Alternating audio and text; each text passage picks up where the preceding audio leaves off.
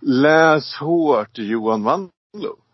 Promenera hårt, Magnus Dahl.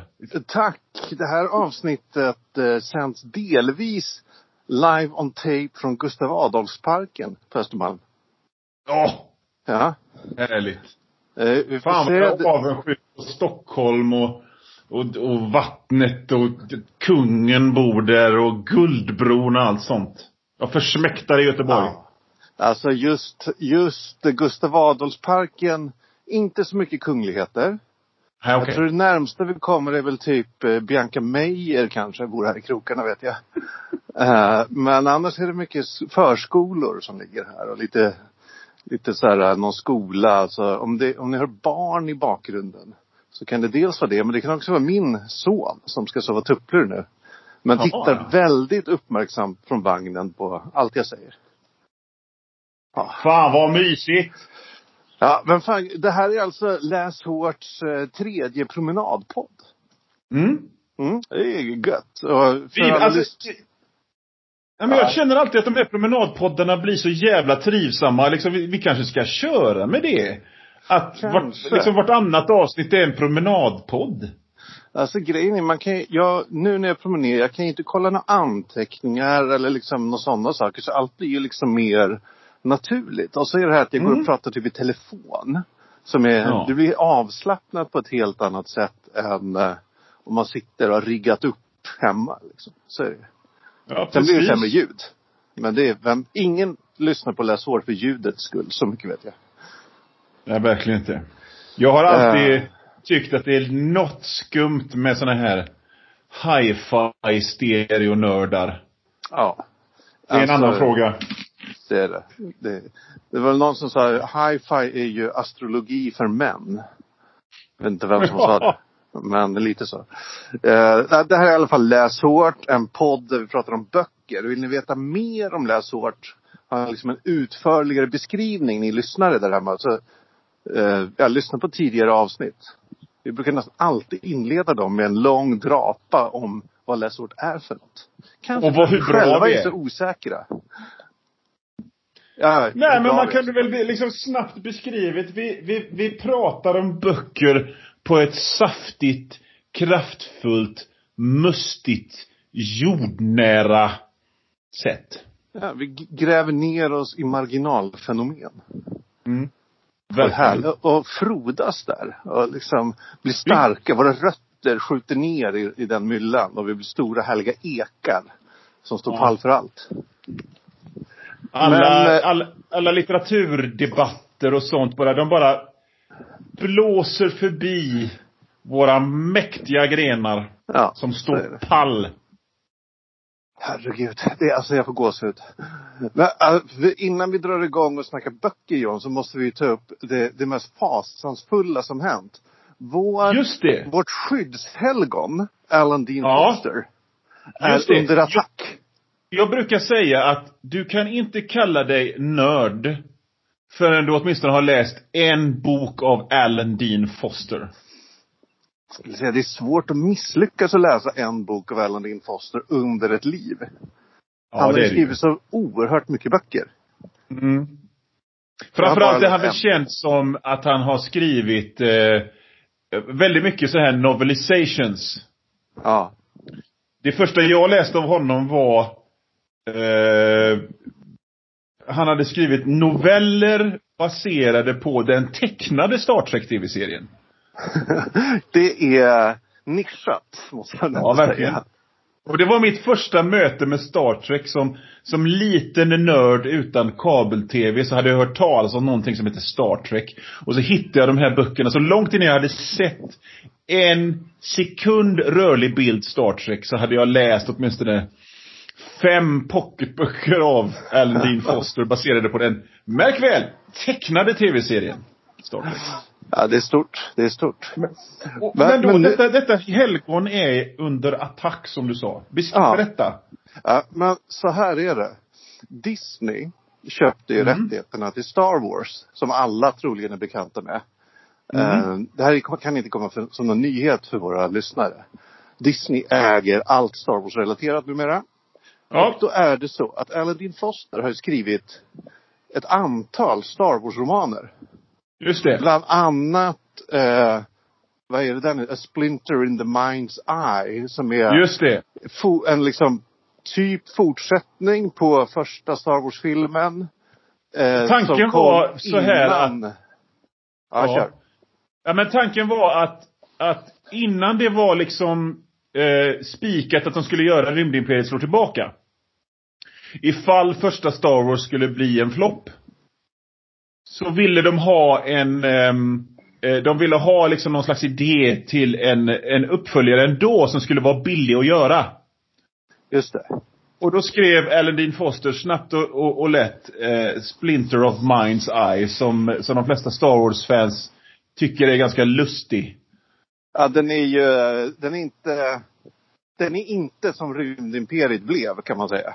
Nej. Och sen så likadant så skrev han ju, om man, om man, om man har köpt och läst eh, romanversionen av första riktiga Star Wars, eller om man nu ska prata med gen, millennials och generation Z-människor. Boken baserad på Star Wars 4, A New Hope, står att den är skriven av George Lucas, men den är skriven av Ellen Dean Foster. Ja. Så Alan Dean Foster har mycket Star Wars på sitt CV. Och nu är det ju då, att Disney köpte Star Wars från LucasArts. Lucasfilms, jag vet inte vilken som är vilken. Och Mm. de har slutat betala royalties. Alan Dean Foster får noll kronor trots att eh, alla hans böcker, Star Wars-böcker och även lite andra franchise-grejer som Disney äger, eh, som de fick via LucasArts, eh, fortfarande säljs. Mm. Och Disney hävdar då att de köpte rättigheterna till böckerna men inte skyldigheterna att betala några royalties. Okej. Vilket måste ses som så jävla eh, douchigt. Alltså jag, jag häpnar av eh, eh, Alltså det är så oerhört konstigt. Grej, grejen är ju att det kan ju, om vi nu bara pratar Ellen din, jag vet ju inte hur, för att när jag fick höra det här, Ja. så tänkte jag att, ja, för många blev ju så här, det här kommer att förändra copyright-tänket överhuvudtaget. Men grejen är ju att, eh, det har ju länge varit så att om man om man jobbar inom någon slags eh, och skriver licensprylar och sånt, det har jag gjort också. Så, så, så, så, så är ju... Oj, titta! Vad hände? ja nej, det Lillkillen bara typ fick syn på himmel kanske. Eller något sånt. Ja. Ett träd. I alla fall, i alla fall så, så, så är det bortförhandlat från början. Ja men då Så verkar till exempel, för, att dra ett konkret exempel. Så jag skriver eh, Åsa-Nisse. Jag spökskriver Åsa-Nisse. Ja. När de trycks på nytt så får jag ingen royalty för det. Jag får inga extra pengar för det. För att det står i mitt kontrakt att det ska jag inte ha. Precis. Men som jag förstår Men- det då, står det inte Personen, så. vänta att- lite. Vänta lite, jag ska bara liksom, för, men den personen, de som skrev till exempel Åsa-Nisse på 70-talet. Ja. De får royalties för att det är inskrivet i deras kontrakt. I mitt fall är det bortförhandlat. I deras kontrakt så var det en självklarhet. Ja. Eh, precis. Och eh, Mm. jag förutsätter nu att Alan Dean Foster och eh, vad heter den här organisationen? Science, Fic- Science Fiction Writers of America som typ är någon sorts fackföreningsliknande organisation för Mm. sci-fi författare i USA. De har ju tagit strid mot Disney Ja. i, i den här frågan. Så jag förmodar att de har någonting på fötterna. Att det, att det är verkligen att eh, Foster har giltiga kontrakt liksom, som borde Alltså, det- ge det- rätt det- framförallt-. Framförallt är det ju så otroligt, som du sa, douchigt av Disney. Detta miljardbolag. Ja, för det kan inte Som- handla om jättemycket pengar. Hur många köper Nej, jag tror verkligen inte det handlar om många tusen dollar, om ens det om året. Faktiskt. Nej, Jag svårt tror inte tro det. Så det handlar verkligen om fick kaffepengar för deras Ja. del. De Ja. har säkert, de har säkert abonnemang på att de ska få fruktkorgar som kostar mer än vad det kostar att betala Ellen Dean Foster hans royalty. Säkert. Alltså, någon, eh, eh, någon liksom eh, executives pennor kostar mer varje år än, Ja. än det här. Eh, men eh, ja, vi är eh, Aladdin Foster säger vi och eh, önskar han- och hans företrädare all lycka i den här kampen mot Disney-imperiet. Eh, det, det är, det, alltså nu tror inte jag det blir så här men faktum är att Disney har ju blivit väldigt det har kommit hårda slag mot Disney under covid-19 epidemin eftersom de inte kan hålla sina parker öppna. De här det. Disneyland och allt det där. Så att Disney har förlorat, eller rättare sagt, de har, deras intäkter har minskat dramatiskt under den här pandemin. Eh, på, ett, på ett oanat sätt. Det förvånar mig inte och de har ju svårt att eh, till exempel spela in nya Marvel-filmer och pumpa ut dem och tjäna pengar på också. Det är ju, Ja. eh, filmbranschen går ju lite i stå så att säga under det här. Både inspelning och konsumtion. Ja. Och fram, men framförallt är ju liksom de här nöjesparkerna stora svarta hål just nu. Ja. Och det, det får man ju undra. Disney äger ju också Marvel. Så är det. Och jag, jag känner någonstans att eh, den här serietidnings, om vi pratar om Marvel som serietidningar. Den divisionen kan jag tänka mig, om det pågår ett år, ett och ett halvt till, kan hänga rätt löst. Ja, det tror jag. Ja. Alltså det, det har, vi har väl varit inne på det här förut. Se, serietidningsdöden. Men eh, ja, det känns som allt sådana här är lite Alltså superhjälteserier är inte vad det var förr. Det säljer ju Nej. på samma sätt. Och det, så, så det är klart det kommer granskas om det är värt att Ja, fortsätta. det tror jag absolut. Någon kommer att bara titta här. Vad, vad är det här som kostar en massa pengar och som inte drar in speciellt mycket pengar? Bort! Nej, precis. Det räcker ju inte med att det går plus minus noll i sådana här sammanhang. Det måste ju liksom Nej. ha en ganska stor förtjänst för att det ska... Kan man kanske ha en AI som färglägger istället för att anställa någon sån människa, kan man tänka. Och måste man ha någon som textar? Det finns ju liksom färdiga typsnitt i datorn. Kanske någon VD någonstans tycker.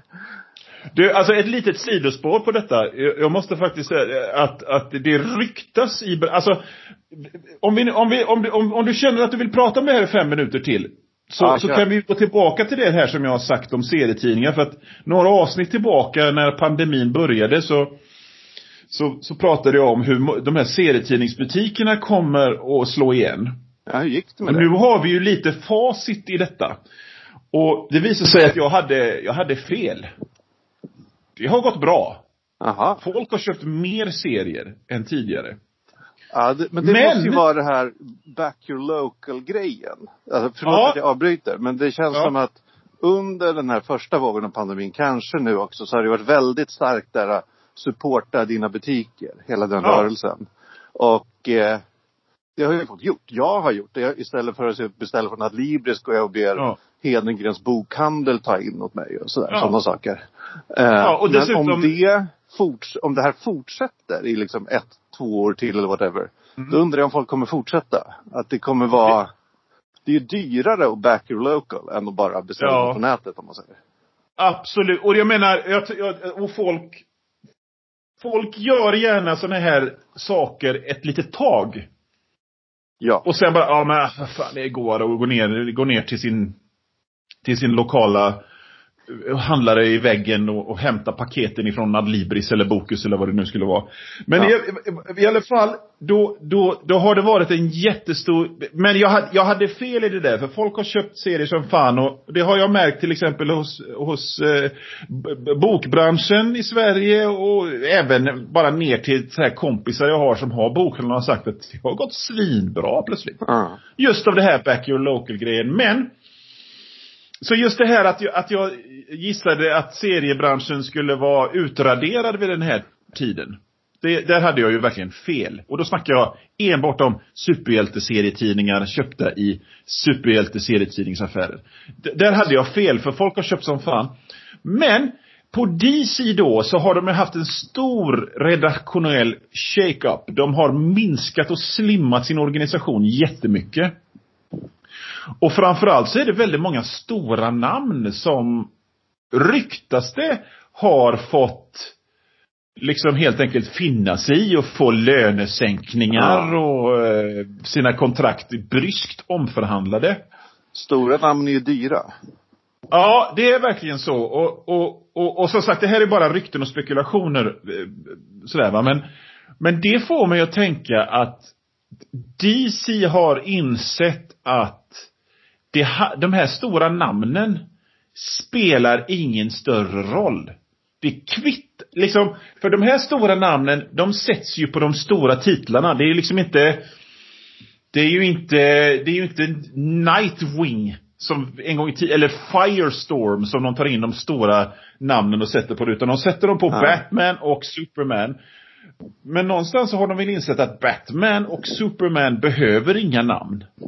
De, De kan kan sätta- ändå. De kan sätta Gummo Okänsson på att skriva Batman och Superman.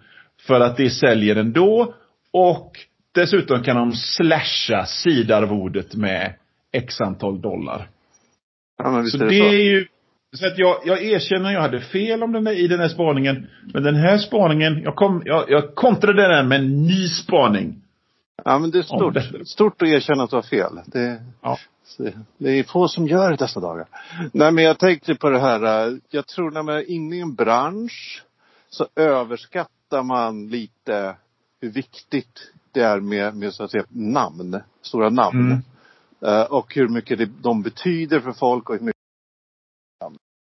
Mm. Eh, jämföra lite med när jag började i journalistsvängen. Ja. Så, alltså innan jag började plugga journalistik, innan jag började jobba. Jag kunde inte nämna en enda liksom, skribent eller reporter överhuvudtaget. Nej. Jag, jag var helt ointresserad av vem som hade skrivit något.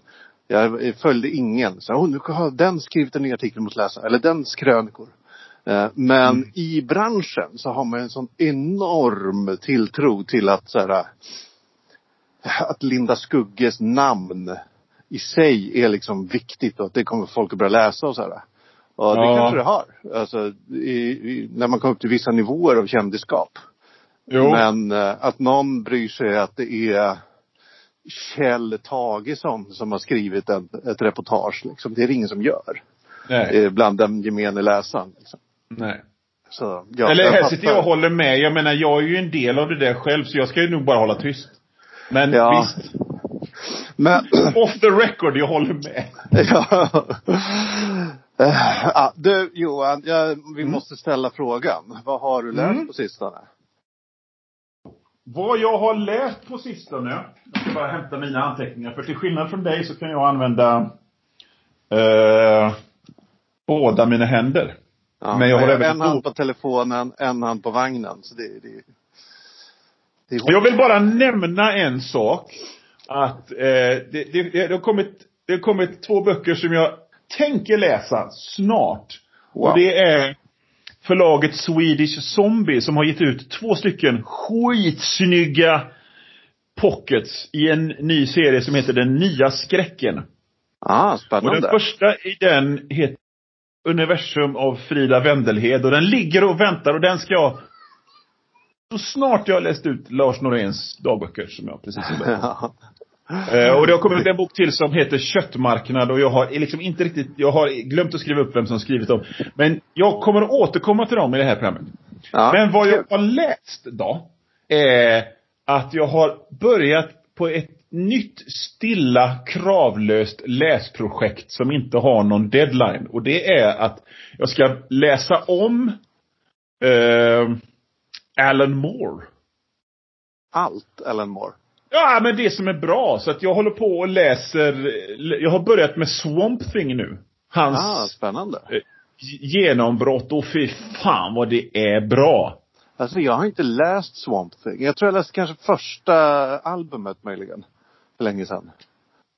Det, det, det, det är verkligen svinbra. Och dessutom, men eh, också lite konstigt för att det är så drumskt hela tiden. Det är liksom psykedeliskt. Ja. Eh, Det låter som Alan Moore. Ja, men, men, men även bilderna är ju liksom stora planscher på rotsystem med det här eh, det här grälla psykedeliska 60-talsaffisch som var så populärt på 80-talet i, i retrovågen. Så det, liksom, det, det har jag börjat med. Så att jag ska börja läsa all Swamp Thing och sen så tänkte jag att jag skulle börja läsa om League of Extraordinary Gentlemen. Ah, kul.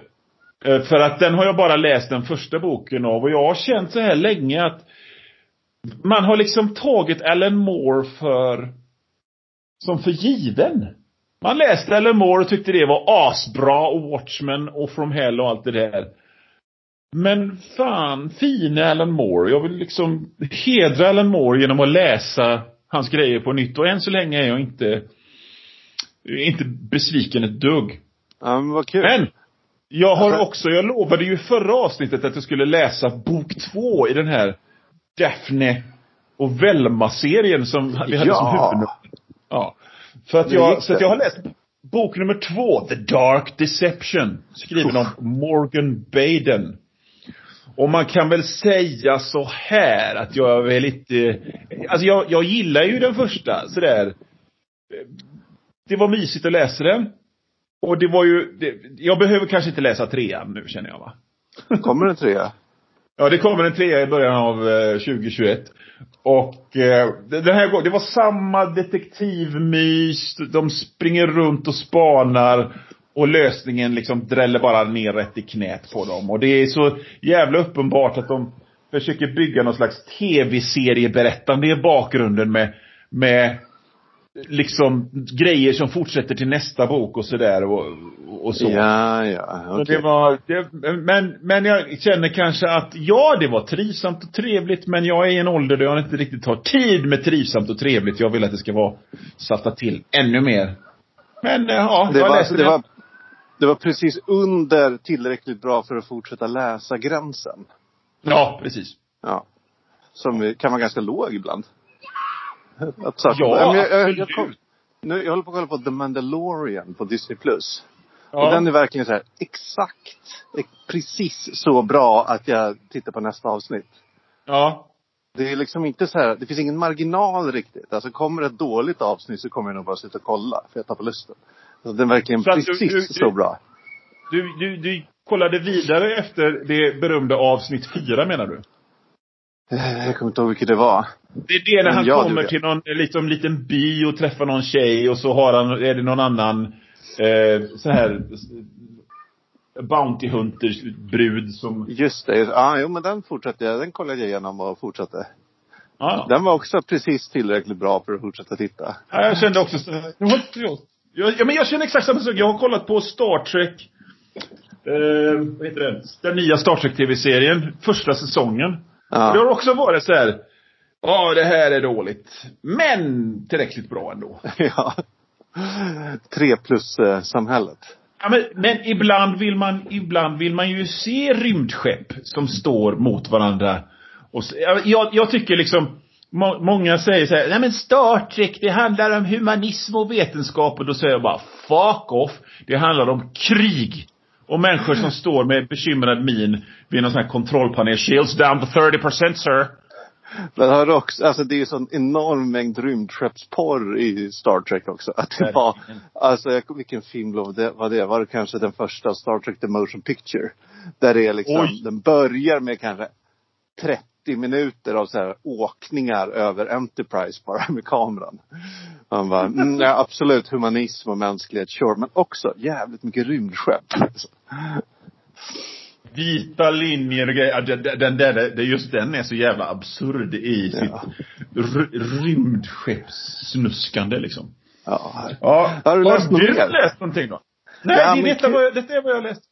Ja, kul. Ja, men då ska jag berätta. Först är det så här, jag kände eh, när det började närma sig inspelningar att jag typ inte hade läst något. Mm. Eh, jag, alltså jag har ju läst saker. Men det kändes som, Mm. jag, som jag hade läst väldigt lite den här månaden. Vilket jag kopplar ihop till att jag slutat med Goodreads. Jag bara, Ja. jag använder inte Goodreads längre. Eh, för jag kände så här, varför ska jag liksom gamifiera mitt största fritidsnöje? Ja, precis. Varför ska jag mäta det hela tiden? Och Mm. liksom så. Och eh, direkt så började jag läsa mindre. För att jag inte liksom tävlar. Alltså även om man bara tävlar mot sig själv är det ju så här. Uh, att uh, så här, ja men uh, i fjol läste jag si och så många böcker. Nu skulle jag läsa uh, lite fler böcker i år. Eller liksom så jag måste komma Mm. till det. Alltså du vet, man liksom, det blir en, när man, så fort man mäter något så börjar det, så ändrar Ja, ja. man sitt beteende. På något sätt. Man läser gärna lite kortare böcker för att då kan man få in en till den månaden eller två. Ja, exakt. Sådana saker. Ja, vilket är helt uh, bisarrt. Mm. Eh, när man börjar fundera på det. Men det har jag pratat om tidigare. Men nu har jag bara helt slutat med Goodreads fullständigt. Eh, jag skriver ner vad jag har läst och sådär. Men det gör jag bara typ i ett privat. Mm. Eh, I alla fall. Men det, det kändes som jag inte hade läst någonting. Men det hade jag. Jag läste ju klart eh, Joe Abercrombies eh, The Trouble with Peace. Som Mm. eh, Alltså 500 sidor trade paperback. Och fy fan jag hatar trade paperbacks. De är liksom Ja, ja. svåra. Det går inte att hålla dem i en hand. Alltså det är liksom, ska jag säga? Det är allt som är dåligt med pocket. Och Mm. allt som är dåligt med inbundet. I liksom ett format. Eh, riktigt vid. Och så var den så här eh, jävligt tätpackad med text. Liksom lite typsnitt, eh, tajt mellan raderna. Man bara märker att de hade knöat in hela boken på 500 sidor när det kanske skulle vara 600 om det var liksom Ja. ett gediget arbete. Men det var svinbra såklart. Joe Abercrombie är ju, är ju bra. Vad ska man säga? Mm. Så den kan Jag jag har aldrig läst honom, men jag har hört detta. Ja, men han är ju bra. Jag vet inte om... Det är så här, när han har skrivit så många böcker nu. Då säger man så här, men var ska man hoppa på? Ja, jag skulle nog bara läst dem i kronologisk utgivningsordning. Alltså visst, det här är en ny serie. Eh, Mm. Del två är en ny serie som började i fjol. Men så här, ska man läsa det här utan att ha läst någonting tidigare så kommer man vara helt lost. Liksom. Det, är, det, det är bara att tröska igenom alla böcker. Men det är ett jävla nöje kan jag säga.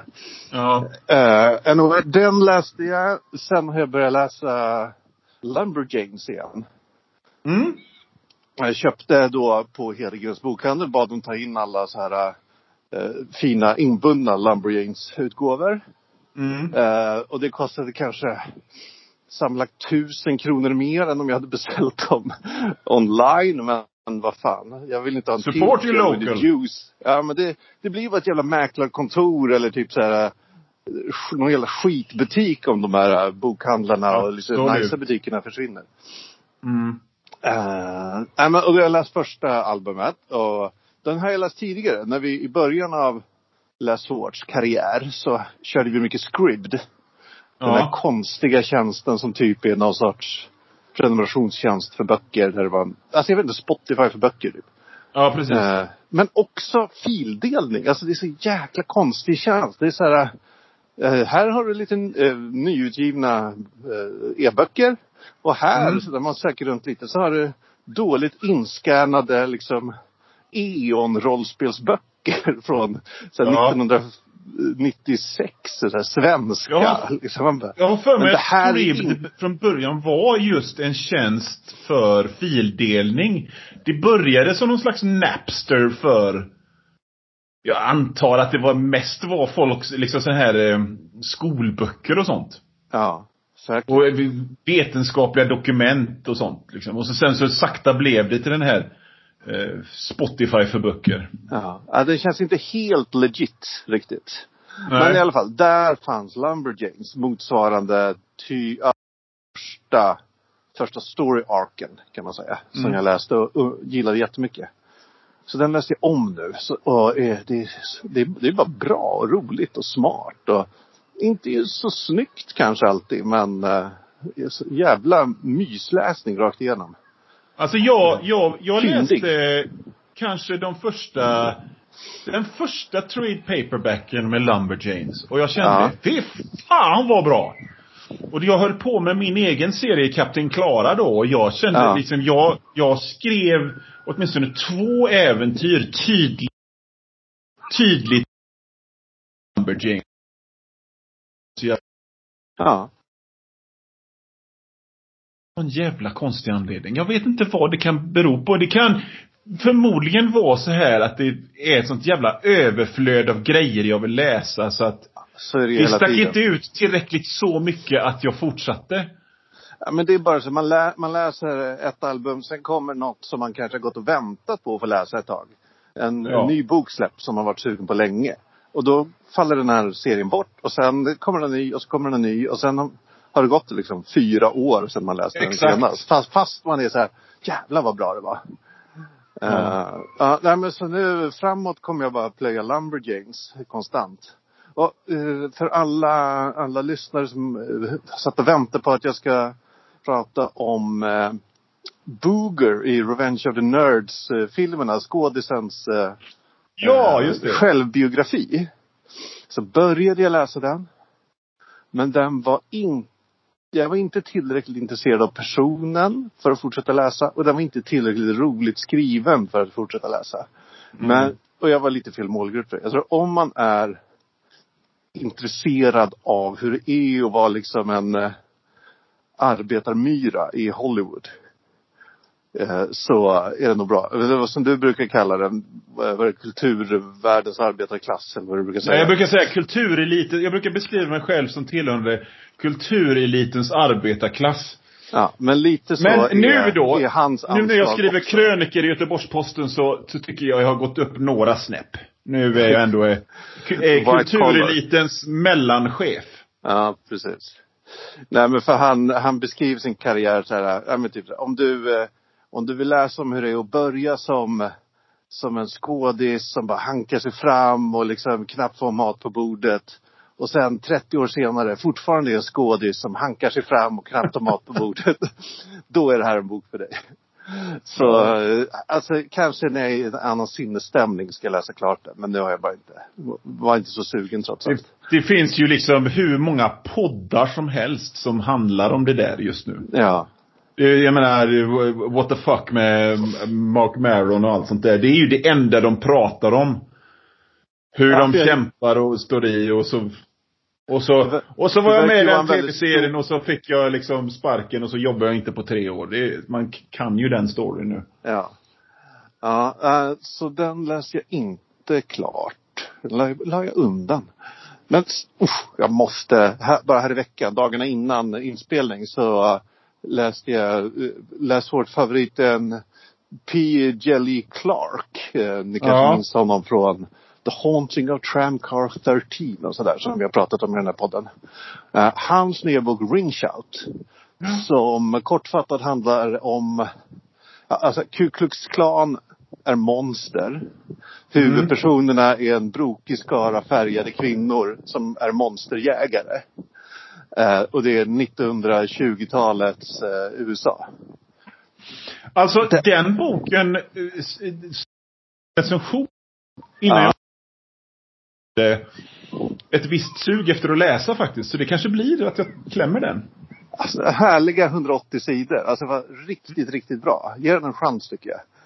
Eh, ja, den var fantastisk och snabbläst och bara kul. Och hemsk. Och mycket body horror. Eh, så ja, bra på alla sätt. Var det en stor pocket också eller? Nej, den var så här liten inbunden. Det är det bästa. Alltså så här. Eh, ja men typ som den mellanformatspocketarna som finns. Fast inbunden. Mm. Och 180 Det- sidor. Super nice läsning och så här fint typsatt, härligt typsnitt. Bara skön, skön läsning rakt igenom. Jag älskar kan det. ju skriva under på det här eh, storpocket-hatet. Till hundra procent. Ja. Det är så värdelöst liksom. Det, det är ett sånt mening, så totalt meningslöst eh, format. Och det är liksom inte... Varför finns det? Jag vet Liksom- inte.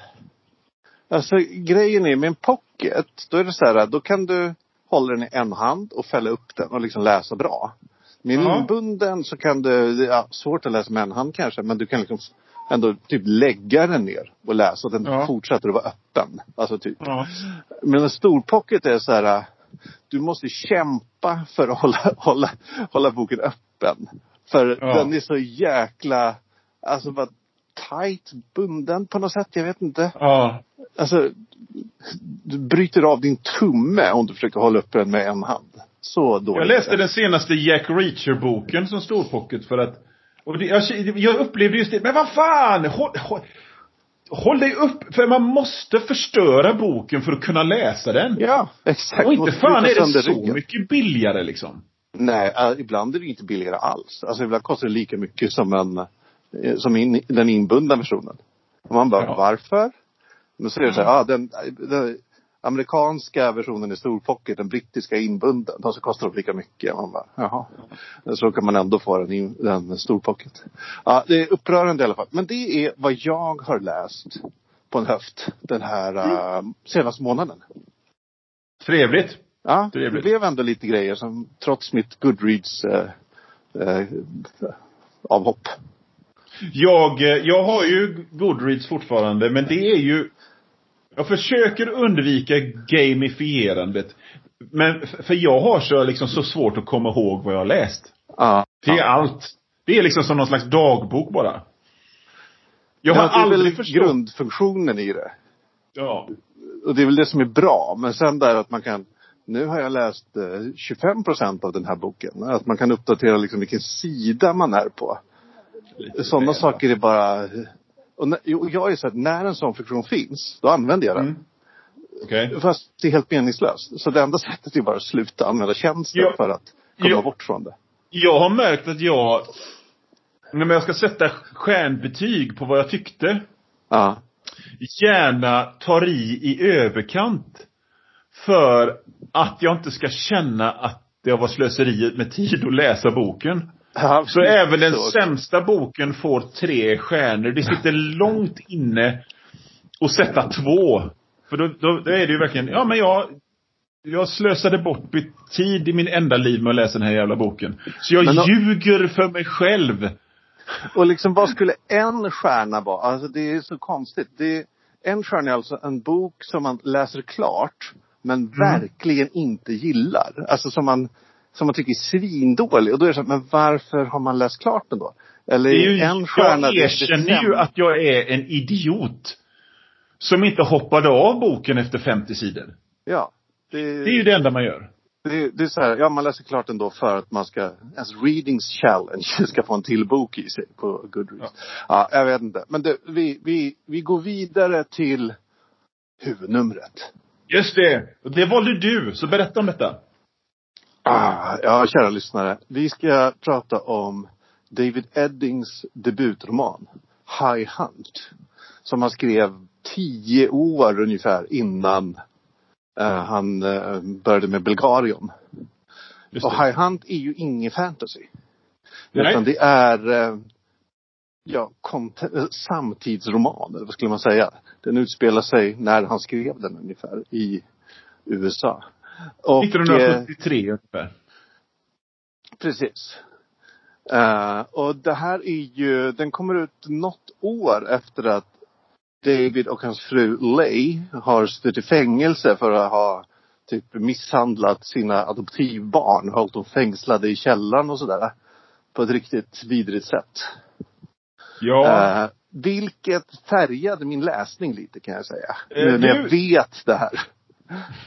Alltså, jag måste bara säga att jag försöker att inte vara sån som låter såna grejer färga min upplevelse av grejer. För att jag har, jag, jag, jag läser så pass mycket, eller i alla fall har läst så pass mycket gamla romaner skrivna av reaktionära fascister Ja. i England.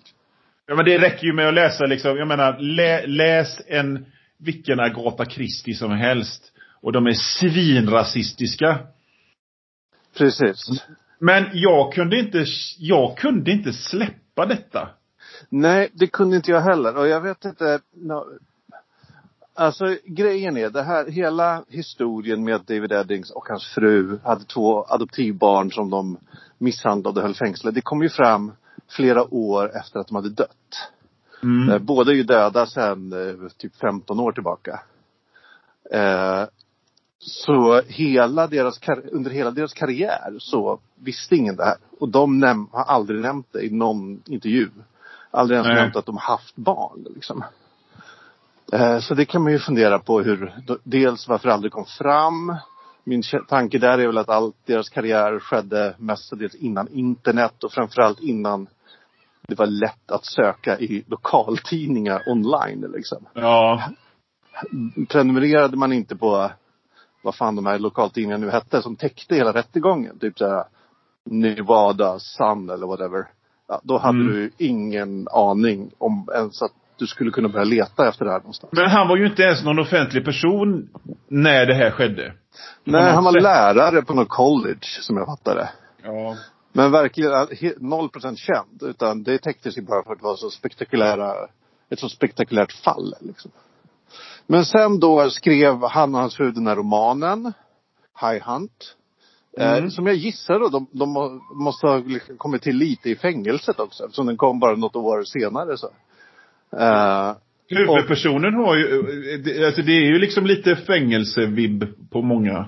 ja, precis. mycket sådana här liksom lite kåkfarartyper i den. Jag Ja. kom att tänka på det här att när jag, jag, jag har ju vetat om att den här boken, för jag läste ju de här eh, David Eddings fantasy-romanerna. Det är nog liksom den enda hästfantasy som jag har läst och verkligen gillat. Ja. Det, När det ja. begav sig. Jag gick i gymnasiet då. Men, och så att jag var ju, jag var ju, jag, då var jag ju medveten om att High Hunt fanns. Den, den fanns ofta i sådana här rea högar på bokhandlarna på Pocket och den var ju, den, den, det var ju, den var ju lanserad som någon slags thriller. Jag, de, jag antar Precis. att de försökte sälja den på samma sätt som de sålde First Blood av David Morell du vet, thriller i skogen, överlevnad. Så, det, så omslagen, alla, de, alla omslag jag har sett på den här boken är alltid någon jägare med ett gevär och berg och man tänker sig Ja. att det är liksom thriller. Men det, det är ju uppenbart när man läser att nej, det här är ett försök att skriva en litterär roman. Ja, precis. Som ska säga något om hur det är att vara människa och vara en liksom social varelse och sådär.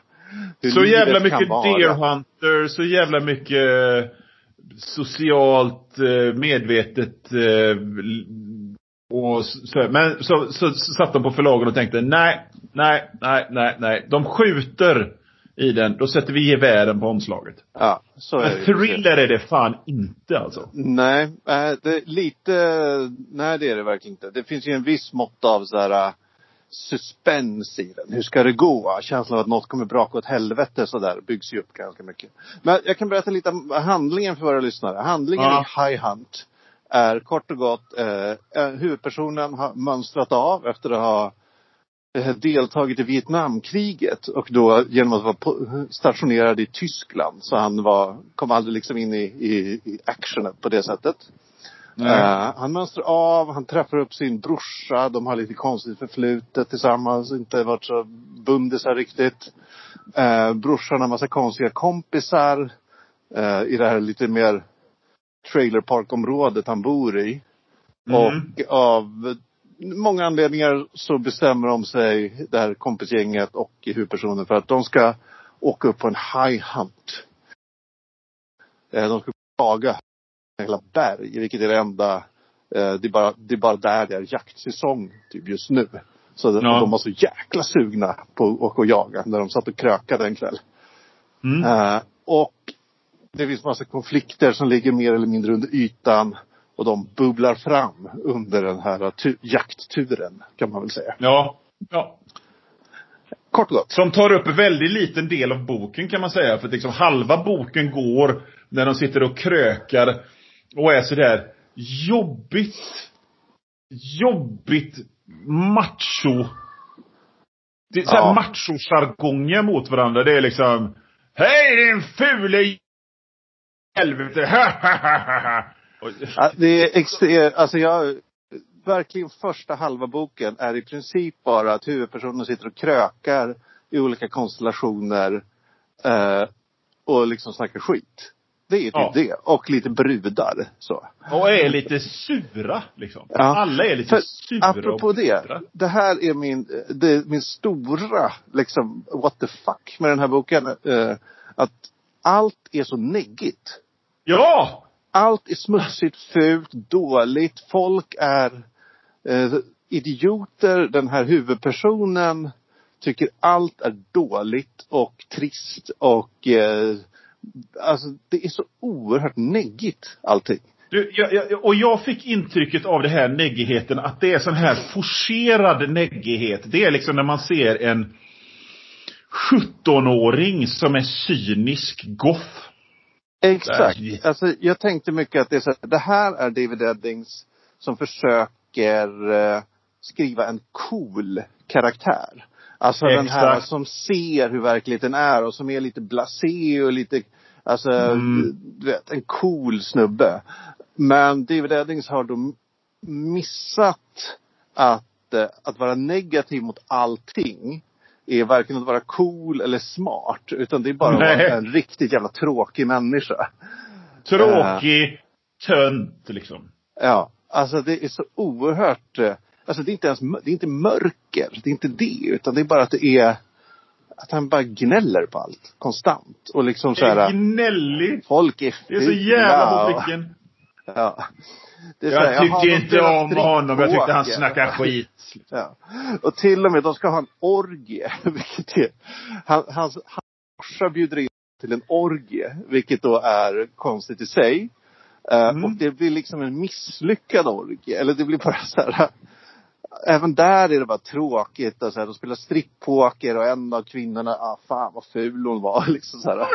Det är bara det är liksom inget kul. Ingenting är kul i boken.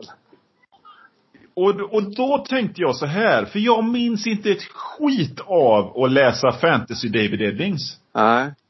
Men det minns jag, för, för, som sagt, jag är nu snart 50 och jag läste det när jag gick i gymnasiet. Men jag minns det inte som, jag minns det som en glad, ljus och öppen upplevelse. Det är min upplevelse Minns också. du hur Belgarion var? Nej, alltså jag minns inte hur Belgarion var faktiskt, den serien. Jag, min känsla är att den var kul att läsa. Mm. Alltså det är mitt minne. Jag älskade ju den serien. Och den var, jag hade väldigt roligt när jag läste den och jag liksom ja, älskade alla karaktärer och tyckte det var, allt var fantastiskt. Det var typ en av mina första stora, stora läsupplevelser. Mm. Uh, sen läste jag ju den här Polgara the Sorceress uh, rätt nyligen. Och det var ju bedrövlig läsning. Alltså, uh, det pratade jag om i något tidigare avsnitt. Alltså bara så här rasistiskt, sexistiskt, osympatiskt, tråkigt. bara förstörde alla böcker som kom innan kan man säga. Ointressant dessutom. men jag har ingen minne av att det var så här. Nej. men sen var ju, är ju Bulgarien också en helt annan genre. Det är ju liksom fantasy för unga vuxna. Medan det här jag, jag... verkar vara, här vill ju han vara, jag vet inte vem han vill vara men alltså en, han vill ju vara den här stora samtidsförfattaren som liksom berättar om hur saker verkligen ligger till. Alltså jag, jag känner, det är så, det, är så, det är så tillkämpat.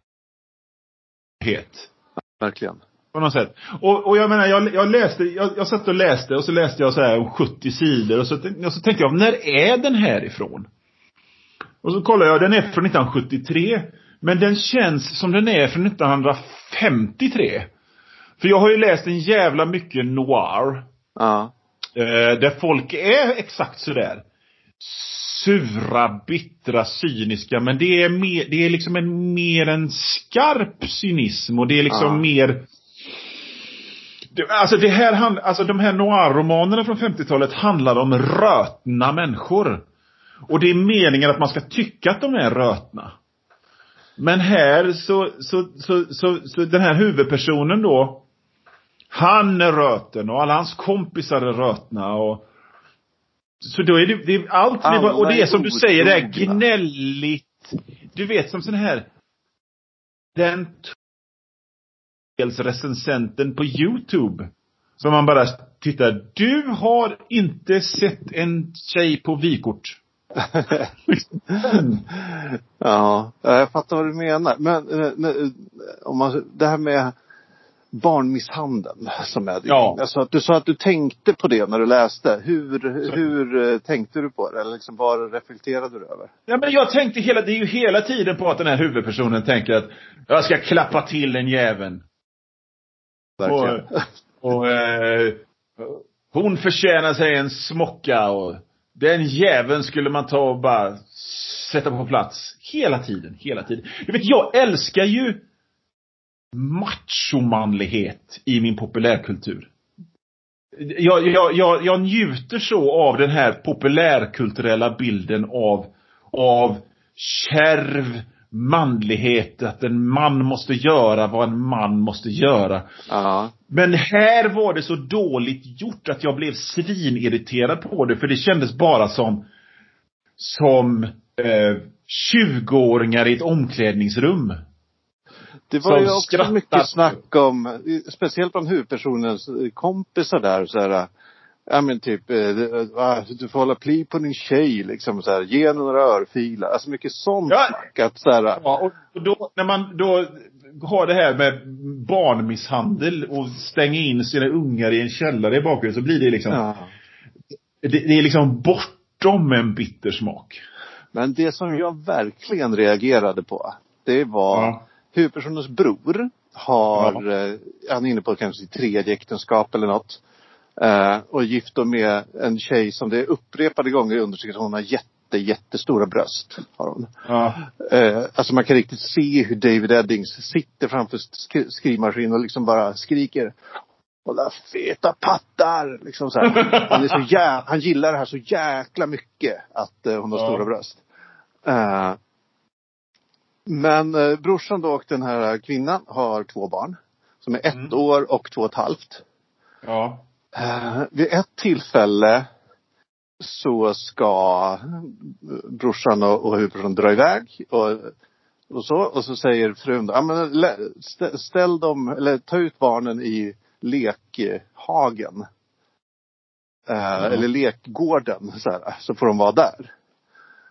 Och sen eh, så åkte de iväg och eh, frun var, stängde sin trailer och var otrogen med en eh, kompisens kompis, någonting sånt. Ja. Och då är min så här, okej men de lämnar en ettåring och en tvååring ensamma utomhus i någon jävla lekhage utan översyn. Och, och bara, det, det, jag vet inte, det kanske funkar svinbra för de barnen men jag har svårt att se några andra barn i den åldern som man bara skulle kunna ställa ut i en hage och, och överge i flera timmar. Ja. Eh, för, vilket var, vilket var, sen är det roligt att de kommer tillbaks, eh, Uversson och brorsan. Och det är liksom, det, barnen nämns knappt igen förrän till slutet av boken. Det är så här, ja de kanske bara försvann där i lekhagen då, eller jag vet inte. Ja. Men det är så oerhört, det känns, det är flera sådana som episoder just gällande de här barnen. Som får Ja. mig att det här är inte människor som riktigt, det här är inte skrivet av någon som har bra hand med barn. Så att säga. Nej. Nej. Som vet hur barn fungerar. Nej. Nej. Nej. Nej. Men, och som, och som, den funkar inte som litterär roman. Och den funkar inte som spänningsroman. För att Nej. den här High Hunt, den här själva jakten då. Ja. Säg att den pågår i 50 sidor i slutet. Och sen är det 50 sidor till. Där han, eh, när de går klart. runt och snackar skit i den här eh, trailerparken och, Ja. och degar. Som vi ska visa, alltså det jag tänker, strukturen är ju, först halva, en tredjedel av boken så byggs det upp inför jakten Ja. med konflikter och grejer. Eh, sen kommer jakten och då de här konflikterna ska liksom bubbla upp. Och sen Mm. sista tredjedelen är utfall, liksom utfallet där man får se hur gick det? Vad hände? Vad, hur mår människor efter jakten? Men grejen är ju att alla de här konflikterna som byggs upp det blir inte den här stora explosionen under jakten som man tror ska Nej. inträffa. Det blir inte att folk börjar liksom döda varandra. Alltså det finns, det skjuts iväg lite, lite gevärssalvor åt olika håll så här, av, Ja. av mer eller mindre misstag och det är mycket aggressioner och sådär. Men det briserar aldrig. Nej. Och det är kanske där som gör att den aldrig riktigt går aldrig riktigt kom, alltså man kände sig lite, var det inte mer än så här när man läser den? Det är i mångt och mycket en jävligt tråkig bok. Ja. Helt alltså, enkelt. som, en- alltså den var ändå jag skulle ändå säga att den var välskriven. Alltså den var, var det var väldigt lätt, alltså väldigt lättläst och man märker att ändå att David Eddings och hans fru, de kunde skriva. Jo, jo, jo. Eh, Men det är så här, valet av vad de väljer att skriva om och hur de väljer att skriva det. Det är det som liksom sänker den. Att det, det är neggigheten som gör att man blir helt matt. Att man liksom så här äh, bara suckar när man läser boken. Och, och Ja. just att det byggs upp så mycket till ett klimax som aldrig kommer. Jag, jag kunde ju inte låta bli att medan jag läste den gå in på Wikipedia och, och, läsa om David Eddings. Ja. Och då, då, gör, då skriver han den här boken 1973. Och sen kommer fantasyromanen tio år senare. Ja. Och däremellan så, så, så läste jag någon, något citat av honom att han hade skrivit någon bok som han slängde. Eh, för att den, jag blev uttråkad av att skriva den. Men då, och, och, och, och, så var det också något, så här, något citat om att han fick idén till att skriva de här fantasyromanerna när han hade gått förbi någon flygplatsbokhandel och sett en återutgivning av Sagan om ringen och tänkte Ja det där, det där verkar sälja. Ja. Och sånt påverkar mig också liksom. Det här, den här eh, trista marknadsanpassningen liksom. Jag menar, jag tycker det jag kunde, jag vet inte om det är så, men jag kunde inte låta bli att tänka att han bara på något sätt han hade lika gärna, om, om, om han hade fått idén att skriva en kokbok först, då hade han nog gjort det. Ja. Han verkar inte hade någon- intresserad av det han skriver och, och när jag känner att någon inte är intresserad av det de skriver, då, blir, då kan inte jag vara intresserad heller. Jag vill känna åtminstone någon sorts passion för det som händer. Alltså jag vet inte riktigt vad som var, om man tänker att han skrev High Hunt också för att han trodde att den skulle sälja bra snarare än utav någon genuin person, passion. Jag vet liksom inte det, vad som var trenden i liksom mainstream litteratur USA liksom i början av 70-talet. Vilken typ av saker som gick hem. Men du, jag kan ju Eh. säga att det var ju sånt här som gick hem. För Ja. att jag, jag såg mycket paralleller med, med filmer och böcker som kom samtidigt. Och framförallt då eh, First Blood. Men Just även det. Deer Hunter. Det, det var liksom mycket snack om återvändande Vietnamveteraner och det, eh, ja, det såklart. Trasproletariat som, som kom därur och sådär. Så att Ja. nog, nog, jag kan misstänka att det här var liksom en kalkylerad grej att Ja, nu gör vi det här. Ja, jag såg på något av eh, omslagen som fanns till, till High Hunt så stod det att det var så här, eh, typ som Deliverance, men. eh, Ja. Typ, deliverance möter, där, där, där, där. Ja, den sista Ja, färden på svenska. Ja, men Ja, just det. Sista färden. Eh, så det, är- det är intressant. Eh, men, vet du, för apropå det här att eh, man går in i en bokhandel och ser vad som säljer och sen skriver samma sak. Mm. Eh, det läste jag en intervju med John Scalzi, känner du till honom? ja. eh, stor amerikansk science fiction-författare. Att han i sin början av karriär också hade så här. Eh, bara, jaha, ja, men jag ska skriva. han hade väl massa idéer gissar jag. Så gick jag in och kollade, så här, vad säljer? Ja, då är det military science fiction, var svinstort i i början av 00-talet. Och så, ja men då skriver jag lite military science fiction. Då kör jag på de idéerna liksom. Och sen har han byggt eh, superkarriär på det liksom. Eh, så det kanske är kanske så man ska göra. Kolla vad som säljer. Det är väl också därför folk skriver deckare så jävla mycket i det här landet. Man vet att det säljer. ja. Jag måste bara ta en sista detalj om den här boken innan vi lämnar den här. Mm. Det är... Jag, jag är ju liksom Facebook-vän med en hel del sådana här amerikanska western och Men's Adventure Paperbacks författare. Ja. Och eh, någonting som gärna diskuteras i de här grupperna, jag bara lurkar för att jag är ett fan av dem. Men, men någonting som ofta diskuteras är hur de raljerar över andra författare som fått detaljer fel när det gäller vapen. Just det. Och, och det är liksom, så det är många så här att, att eh, Västernförfattare Gum och Okändsson som skriver sju, åtta böcker om året. Ja, jag läste nya Lee Child och han vet ju inte hur rekylen fungerar på en Smith Wesson bla bla bla bla bla bla bla. Och så, och så alla hans kollegor bara Och jag kan säga som läsare. Att det finns ingenting jag skiter mer i än hur vapen fungerar. Nej, verkligen. Så, så om det lyssnar någon författare här som har blivit påverkad av sånt snack och tänker jag måste ta reda på hur det känns att skjuta. Skit i det. Du kan skriva att han sköt med pistolen. Punkt. Alltså, i High Hunt är det ju mycket vapendetaljer och mycket Ja. så här jaktdetaljer om hur, hur man slår. Ta, ta, tänk på vindstyrkan när du siktar. Du vet, bara, och, Ja, sådana saker. I. Det är så oerhört ointressant. Ja. Och i den här boken, allt det här om jakt och vapen, det låter väldigt korrekt och trovärdigt. Men jag har ju ingen aning om, det kan ju vara helt Mm. Nej, nej. bananas där. Jag har verkligen ingen aning. Men det är liksom, ja, det känns som han vet vad han snackar om det. Han har säkert jagat Ja. en del och sådär. Men eh, får jag intrycket av. Men som sagt, Mm. om någon detalj är fel, det skulle jag inte märka det.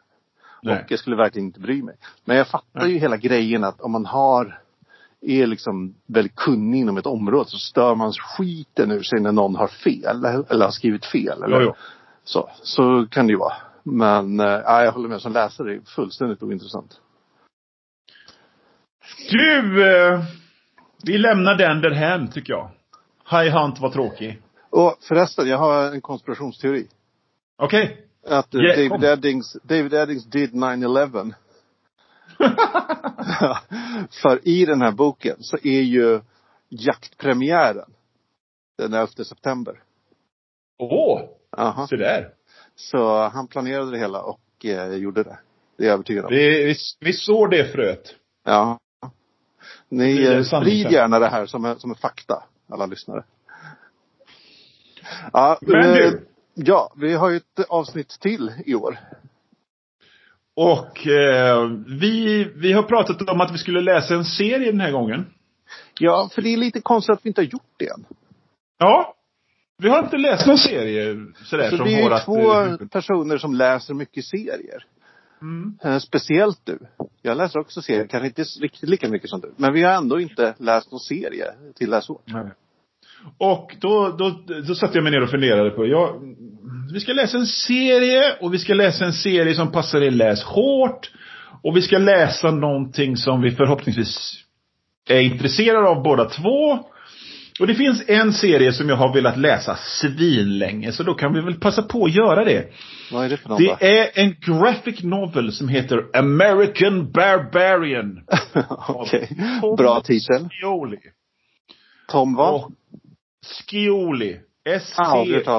Scioli. Han har ritat, eh, han, han, han dök upp på scenen eh, med en eh, serie som heter Godland på Image. Som var en direkt, direkt plankning av Jack Kirby. Han, han var en Jack Kirby rip-off. Sen har han sakta men säkert utvecklat en egen stil så att han ligger någonstans mellan såna här eh, eh, liksom amerikansk superhjälte mainstream och alternativ, ironiska alternativserier som liksom raljerar över det där och parodierar det där. Samtidigt som han faktiskt tecknar amerikanska superhjälteserier ma- mainstream-grejer i den stilen. Så jag tycker han är väldigt intressant. Spännande. Så att vi ska läsa American Barbarian av Tom Scioli, du och jag. Så det är en väldigt bra titel. Den är också väldigt, man har ingen aning om vad det är man kommer få läsa.